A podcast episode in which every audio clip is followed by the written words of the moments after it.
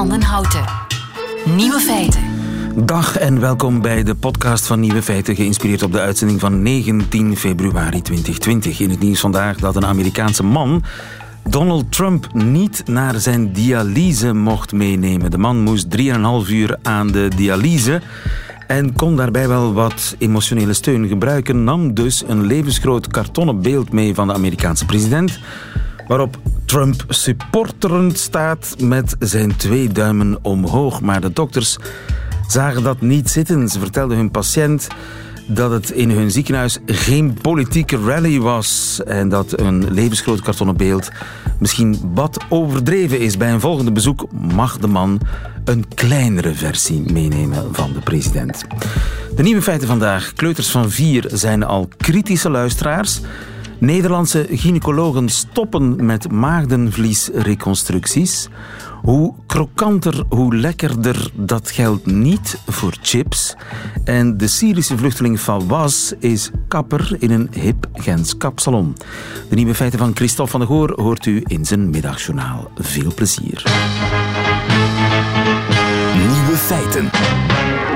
In Nederland stoppen de gynaecologen met maagdenvliesherstellingen. Dat hebben ze onderling afgesproken. Dokter Van Wiemeers, goedemiddag. Goedemiddag. U bent van de Vereniging voor Gynaecologen.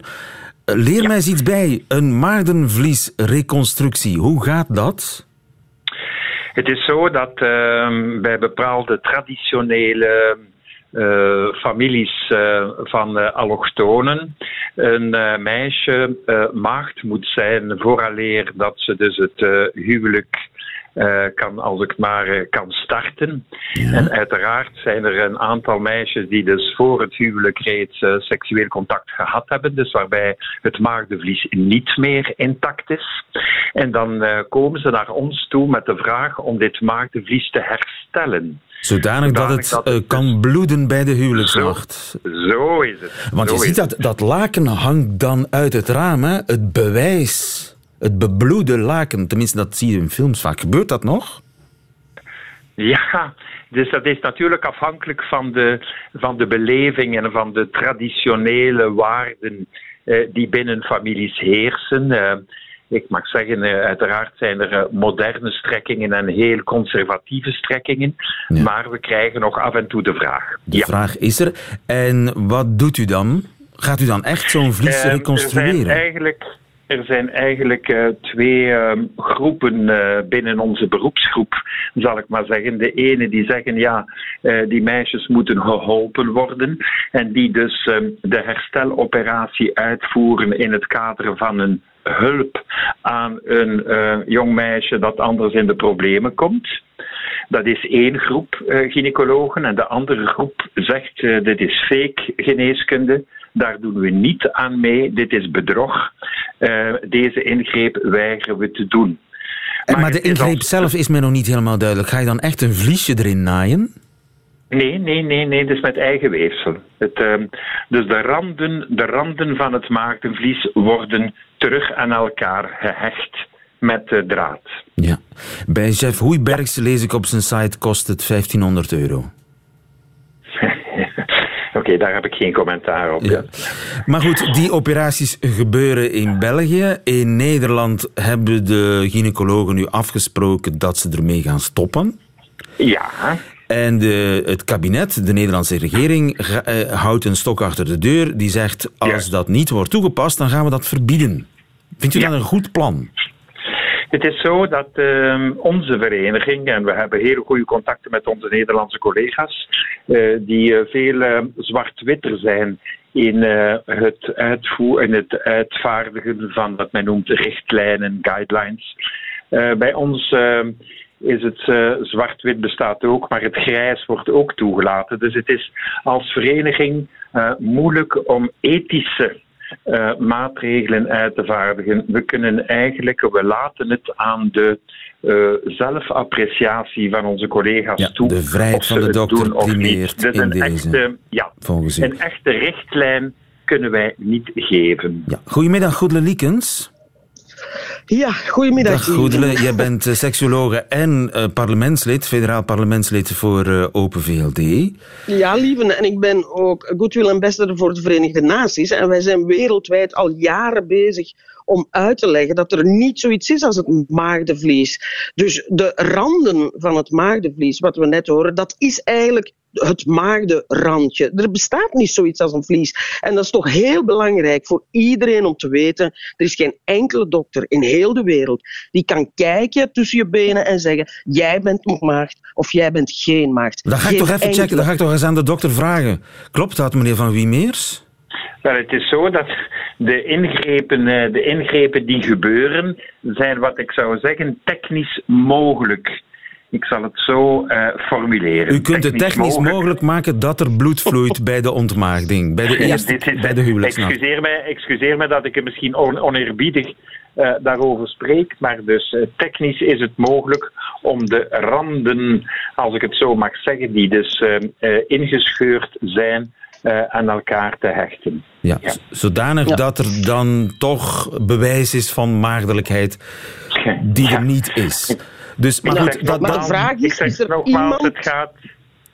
Ja, goed, Het gaat de, om een, uh, om de vraag fake, blijft, is er iemand die kan kijken... Het gaat om een fake-operatie. Wat we doen, uh, wat gynaecologen op dat moment doen, is liefst zo kort mogelijk voor de huwelijksnacht een draadje naaien in wat hè, een maagdenvlies, zoals ik zeg, bestaat niet, maar is, is een huidrandje.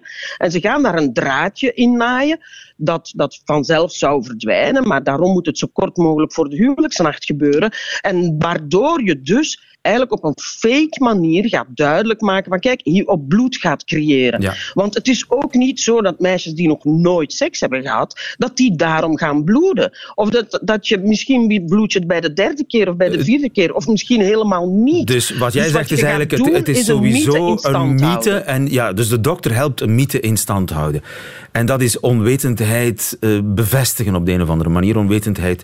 En daar dienen dokters ja, niet voor. Dat is eigenlijk jouw standpunt. Nee, ja, ja, ja, pas op, ik begrijp artsen wel die het wel doen. Want als je naar individuele gevallen kijkt, dan zeg je, goh, als een meisje hier uitgestoten wordt. Of in de... Dus ik begrijp wel die aarzeling, maar ik denk dat het op de radio belangrijk is om heel duidelijk te zijn en te zeggen, er bestaat geen maagdenvlies, niet als een vlies. Dat is gewoon een randje. En bloeden heeft niks te maken met of je al dan niet maagd bent. Dat bewijst helemaal niks. En er is ook geen enkele arts die dat kan zien. Ja. Moet je daar dan aan meewerken? Goh, ik zeg het, ik begrijp de aarzeling, maar ik ben er toch zeker geen voorstander van. Ja. En wat vind je van de Nederlandse plannen, Goedele? Dat ze daar onderling afspreken, we doen het niet meer, eh, in samenspraak met het kabinet. Dat een stok achter de deur uh, houdt ze van als het niet vanzelf stopt, dan stoppen wij het. Ja, ja, ja ik, ik, uh, uh, ik ben daar voorstander van. Kijk, de Orde van Geneesheren heeft uh, vorig jaar of twee jaar geleden gezegd van wij leveren, leveren geen maagdelijkheidsattesten niet meer af. Om dezelfde reden als wat ik net zeg. Omdat ze dat niet kunnen. Dat is fake geneeskunde. Dus dat is de eerste stap in die richting. Zaken verbieden waar ik nu in het parlement sta, zou ik dat kunnen doen. En ik wil daar gerust mijn schouders onder zetten. Mits we natuurlijk ook verder gaan dan alleen dat. Want ik weet vanuit mijn werk bij de UN, dat dat alleen het doel uh, niet, niet bewerkstelligt. Hè. Dat je breder moet inzetten, ook in een dialoog met de culturen uh, waar dit nog gebruikelijk is en waar ze blijkbaar niet uh, voldoende informatie hebben. En we gaan zeggen, hoe gaan we de 21ste eeuw in met, met bescherming van zowel jongens dus als daar, meisjes. daar hangt een voorlichtingscampagne aan vast. Wat, voilà. wat en betreft, seksuele ja. opvoeding heel sterk inzetten op seksuele opvoeding. En daarom nogmaals moeten we misschien het woord maagdenvlies veranderen in een maagdenrandje. In veel Scandinavische landen uh, hebben ze dat gedaan. En dan hoeven we ook niet meer uh, die cinema gaan mee te spelen. Ja. Maar je zegt, ik wil daar gerust mijn schouders onder zetten. Uh, mag ik dat interpreteren als ik ga mijn schouders daaronder zetten? Ik ga dit doen? Maar lieven, je kent mij zo'n 25 jaar, wat denk je? Dus je gaat het doen? Ja, ja, ik ga dat eens helemaal uitpluizen op welke manier we dat kunnen doen. Ik ben momenteel met een, een ander dossier in die richting bezig, wat, uh, naar, uh, wat, wat eigenlijk goede vormen begint aan te nemen. Dus uh, ik vrees dat je hier nog gaat van horen, ja. Dankjewel, Goedeliekes, en dankjewel ook dokter Van Wiemeers. Goedemiddag. Nieuwe feiten. Lieve van den Houten. Hoe krokanter, hoe lekkerder toch. Zeker als we het over chips hebben. Wel, toch niet. Jan Delcour, goedemiddag. Goedemiddag. U bent uh, voedingstechnoloog aan de Universiteit van Leuven. Inderdaad, ja. Collega's van u in uh, Nieuw-Zeeland die hebben onderzocht of mensen meer eten van krokantere chips. En ik zou denken, ja, tuurlijk. Maar dat blijkt niet zo te zijn. Hoe hebben ze dat aangepakt? Ze hebben, ze, ze hebben geloof ik zelf chips gemaakt, hè? Ja, ja, ja. ja. Ze hebben dus uh, aardappelschijfjes een voorbehandeling gegeven en uh, dat pas daarna gefrituurd. En dan hebben ze gezien dat uh, die nog krokanter zijn, nog harder zijn dan de gewone chips. En dan hebben ze geconstateerd dat mensen daar minder van eten. Ja, want ze hebben proefkonijnen voor de televisie gezet met een zakje chips. Een zakje met uh, gewone chips en een zakje met uh, extra krokante chips. Die ze hadden, geloof ik, een soort el hadden ze, die chips. Ja, ze hadden die in een uh, elektrisch veld gebracht voor het frituren. En welk zakje was leger, de gewone chips of de extra krokante? De extra krokante, daar bleven meer van over. Dus daar werd minder van geconsumeerd. Maar dat is toch raar, want krokant, dat is toch synoniem voor verleidelijk? Het wordt zelfs gebruikt om een krokant meisje, krokante jongen. Dat is een... een nee, toch? Ja, maar goed, de, de gewone chips waren al uh, producten die de mensen kenden. Hè, dat is ook een element. En dat zijn de standaardproducten. Ja, en dan heeft men die nog wat extra gegeven. Hè.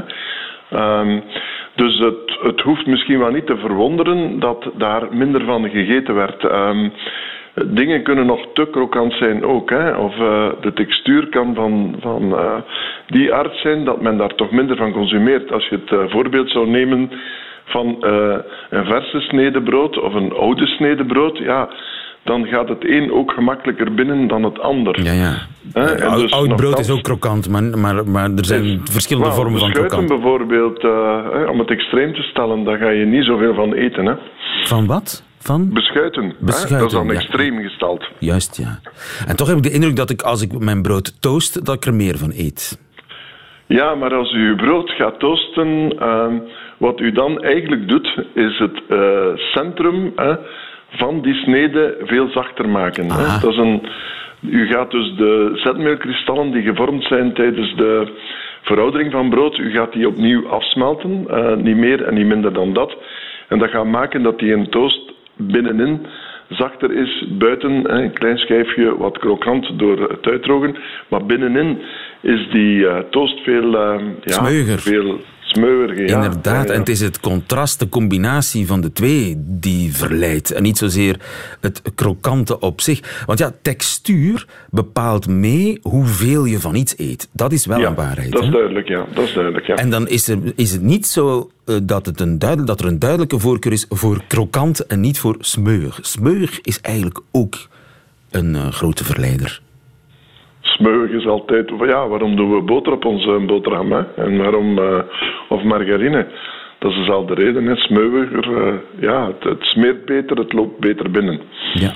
Maar die kennis eh, die kunnen fabrikanten gebruiken in hun voordeel. Ja, zij maken dingen natuurlijk waar we, waar we niet kunnen van afblijven. Maar zou je op die manier ook kunnen ingrijpen in voeding, zo- zodanig dat je de, de obesitas-epidemie wat kunt inperken? Wel, eh, ik denk dat dat eh, in dit geval wel, eh, als we het dan hebben over die chips, hoog gegrepen is. Dus wat duidelijk is, is dat de mensen daar minder van geconsumeerd hebben. Dat ze vlugger een verzadigingsgevoel hadden. Wat helemaal niet duidelijk is, is ehm, hoe lang het dan daarna geduurd heeft tegen dat de mensen opnieuw honger gekregen hebben. Dus ook dat moet je in rekening nemen. Wat ik ook niet gelezen heb in de studie is of dat die eh, chips die krokanter waren min of meer vet opgenomen hebben. Hè. En vet is natuurlijk een caloriebom.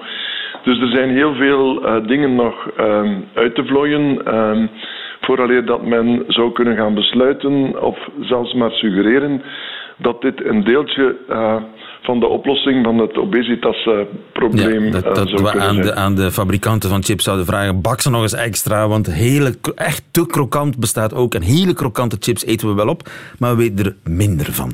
Blijkt uit onderzoek in eh, Nieuw-Zeeland. Dankjewel Jan Delcour. Goedemiddag. Oké, tot genoegen. Dag.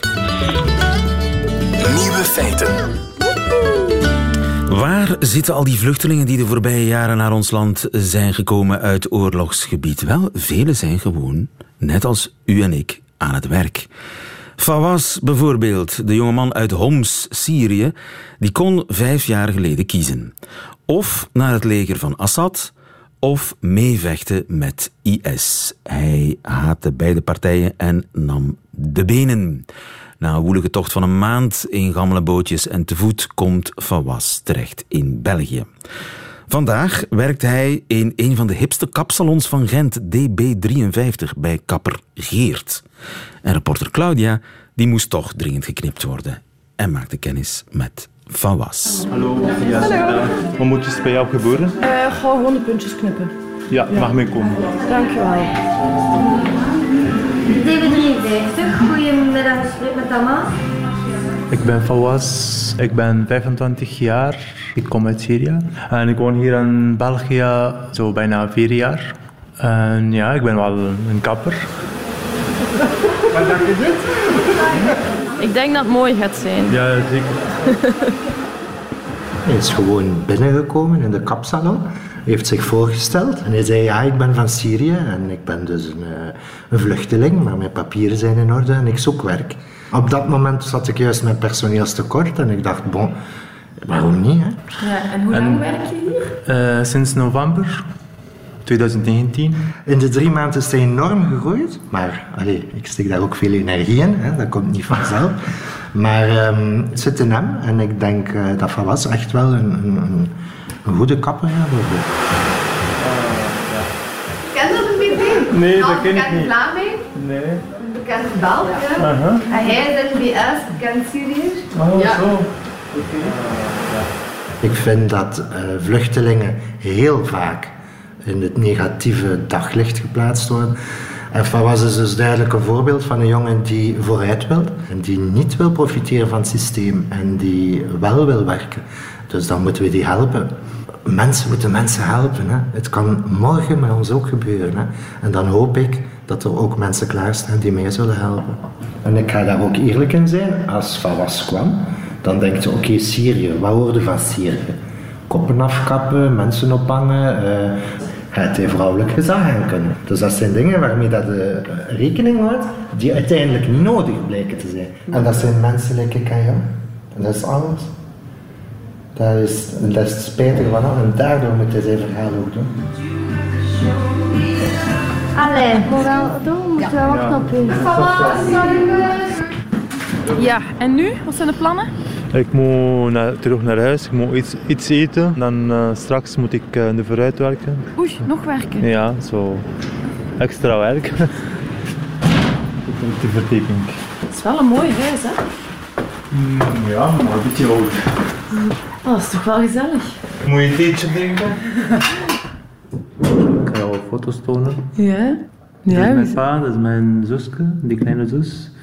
ja, hoe oud is ze? Zij is zeven jaar. Ja, dat was de laatste foto ook. Moest ik uh, salu zijn in die luchthaven. Mis je hen veel? Ja, zeker. Ik had alles thuis. Alles. Familie, werk, vrienden. En dan op zo'n moment beslist om te vertrekken. En dan, ja, dat was echt mega moeilijk voor mij. Maar door die oorlog moest ik, moest ik weggaan. Niemand gaat dat kiezen. Hè. Ja. Ik moest daar eh, de leger zijn. Ik wou dat niet doen. Zo vechten. Ik moest kiezen. ISIS, of ja, de islamitische regime, of die overheid samen met de leger. Ik, wou, ik had alle twee. Kan je misschien eens vertellen hoe je eigenlijk hier bent geraakt? Ja, ik ben wel eh, van Syrië al vertrokken naar Turkije. En dan van Turkije naar Griekenland via smokkelaar met de boot. Dus zo, ja, iedereen deed dat. Alle vluchteling. Ja, en met hoeveel mensen zat je op die boot?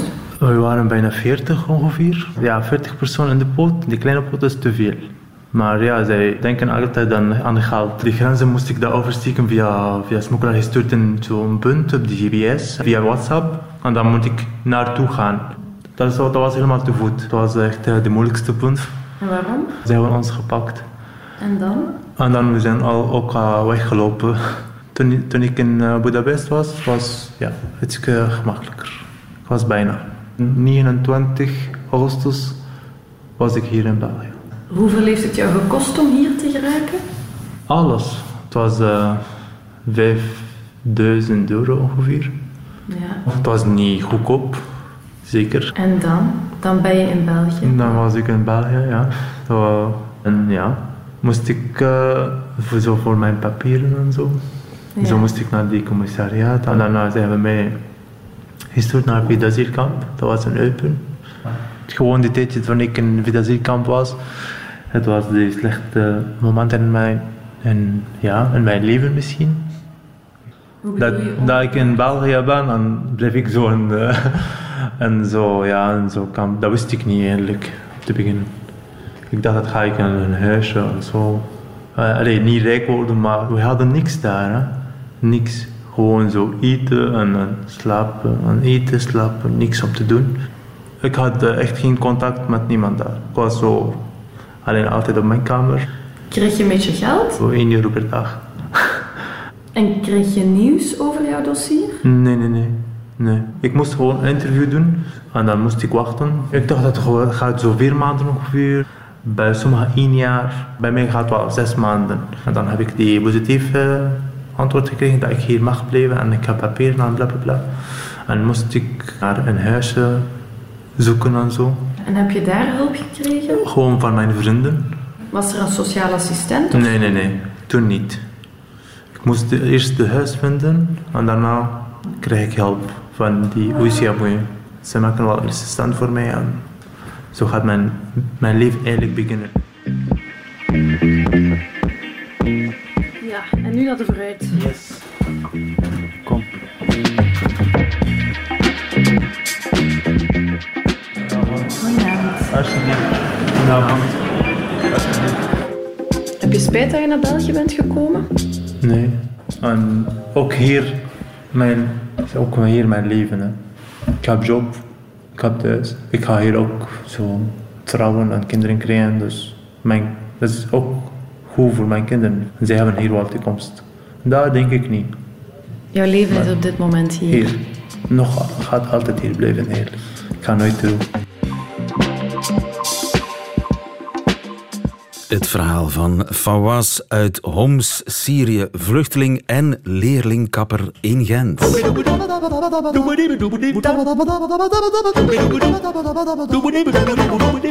Nieuwe feiten. Kleuters geloven toch alles wat je hen wijs maakt? Wel, vergeet het. Want in Canada hebben ze dat een keer wetenschappelijk onderzocht. Pedro de Bruikere, goedemiddag. Goedemiddag. Onze huispedagoog. Uh, het waren er bijna 700 hè, kleuters die hebben meegedaan aan een experiment. 622. En wat wilden die onderzoekers te weten komen? Wel, uh, wat bepaalt dat een kleuter, maar ook een ouder kind gelooft en het gevoel heeft van van die persoon kan ik leren of van die persoon kan ik niet leren.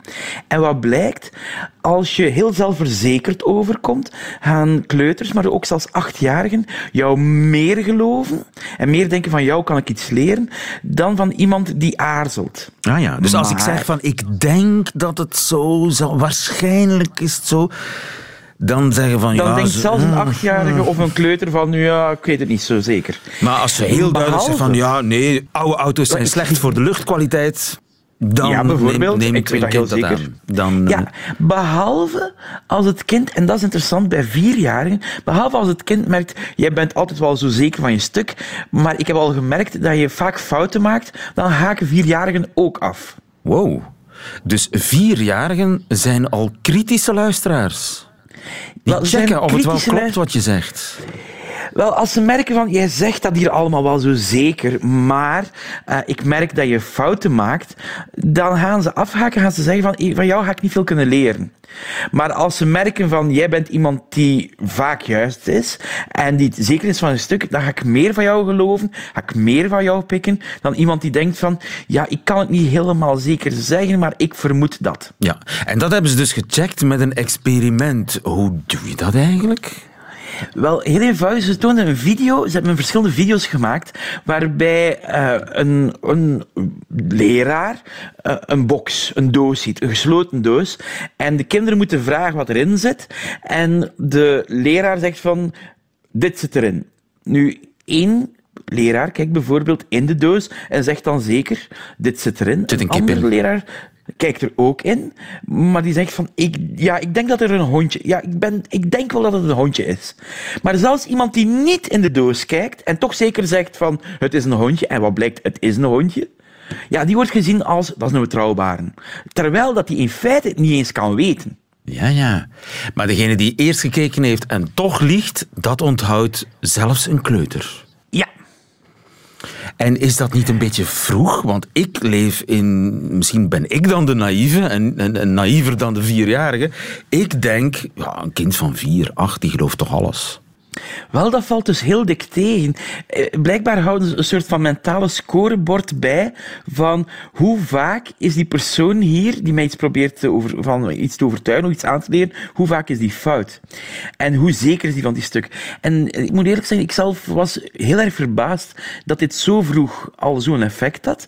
Maar ik was tegelijkertijd ook verbaasd dat uh, het zelfverzekerd zijn, zelfs over dingen dat de persoon niet kan weten, dat dat bij een achtjarige wel ook nog speelt. En dat vind ik dan weer, eerlijk gezegd, wel laat. Ja, ja. Maar ik kan het nog erger maken.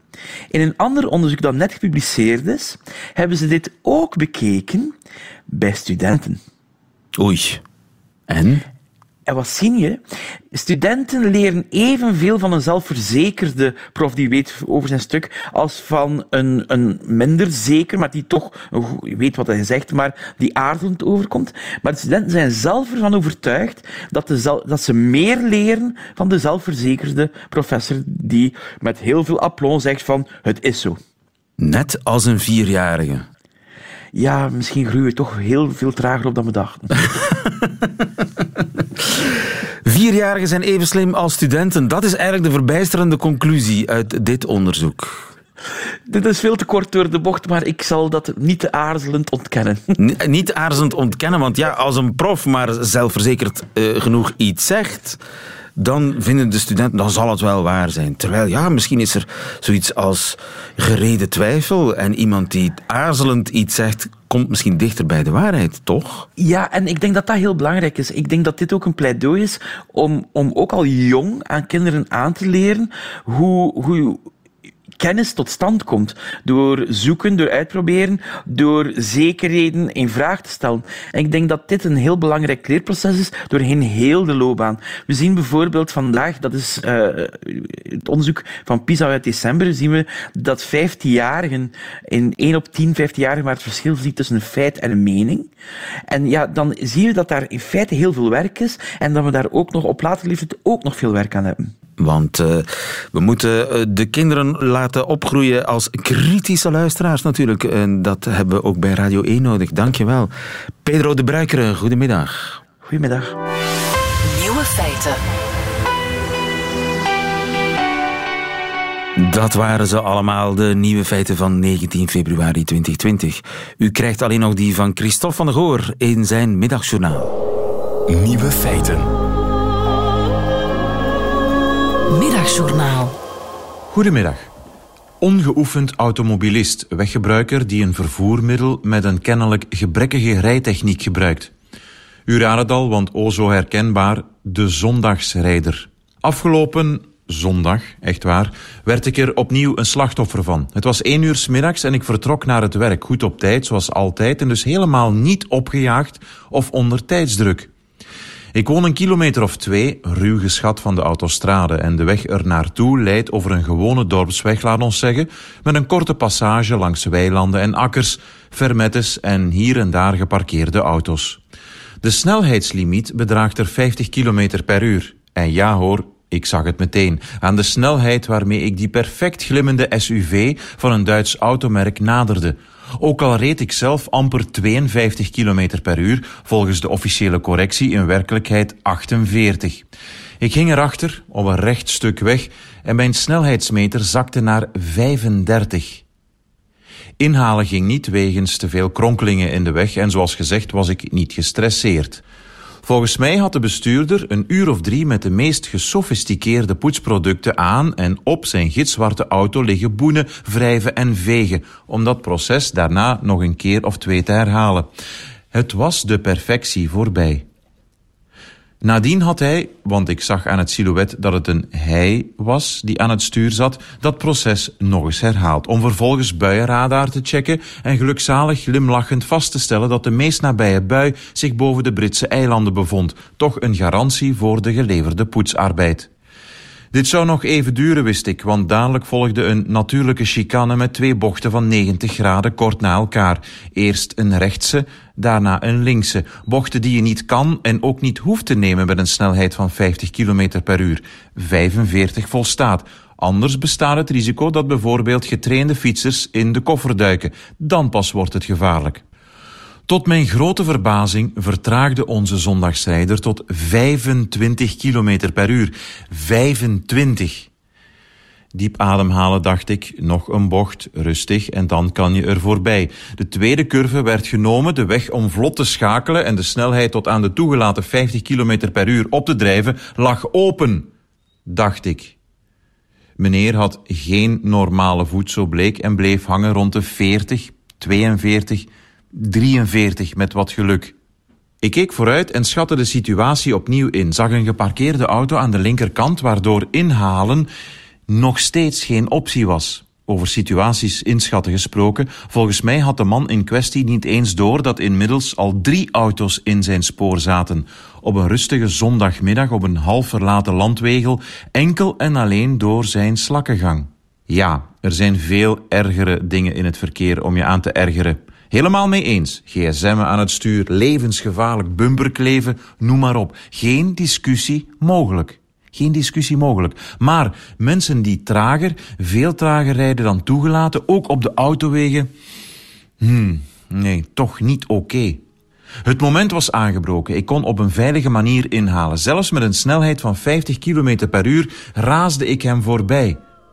Net in het pak de haren perfect gekamd, de zetel fel naar voren geschoven zag ik, rug recht, stuur bijna klevend tegen de borst. Een geconcentreerde blik zoals wij er een hebben bij het commentariëren van een massasprint waarbij de winnaar niet met het blote oog, maar enkel dankzij een finishfoto kan worden gezien.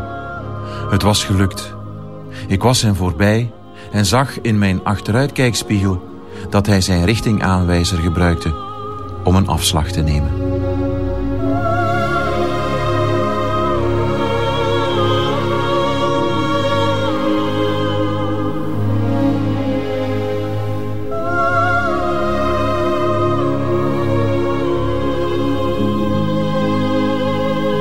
Klein menselijk leed van Christophe van der Goor in zijn middagjournaal. Einde van deze podcast.